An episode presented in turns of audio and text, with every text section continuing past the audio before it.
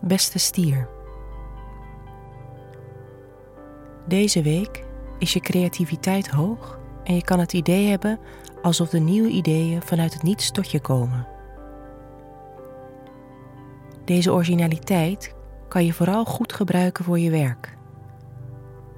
Je kan bijzondere ideeën aandragen tijdens een vergadering, maar ook meer helderheid verkrijgen over waar je naartoe wil met je carrière.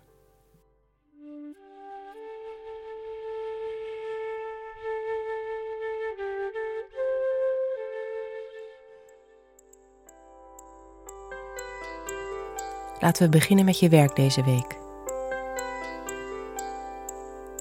In het ramseizoen staat jouw mentale gezondheid centraal. Het is een tijd van bezinning en reflectie. Toch zal je deze week het gevoel hebben dat je weer even kan doorpakken. Alhoewel het goed is om rustig aan te blijven doen, kan je deze week optimaal gebruik maken van originele invalshoeken. Door een gunstig verband tussen de zon en Mars zal je deze week je kunnen onderscheiden op het gebied van financiën. Je kan nu de persoonlijke groei die je hebt meegemaakt omzetten in een zakelijk succes. Hierbij zullen je spirituele en filosofische kanten een opvallende bijdrage leveren.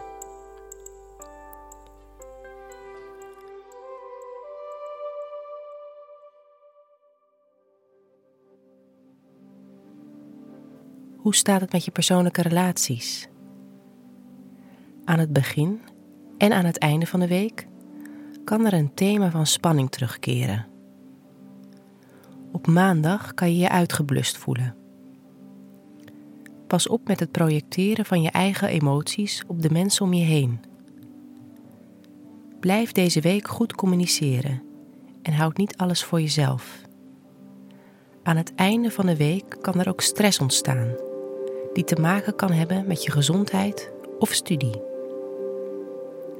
Je kunt je hierbij machteloos gaan voelen, maar dit gevoel stimuleert je wel weer om het heft in eigen hand te nemen. Ga op een rustige dag aan de slag met wat je zo dwars zit en pas op dat je niet te veel hooi op je vork neemt.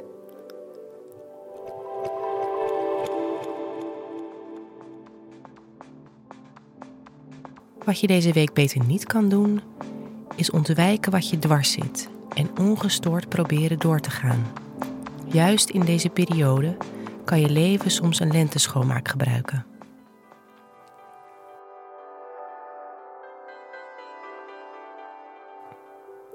Wat wel een goed idee is voor deze week, is profiteren van je verhoogde creativiteit. Blijf optimistisch.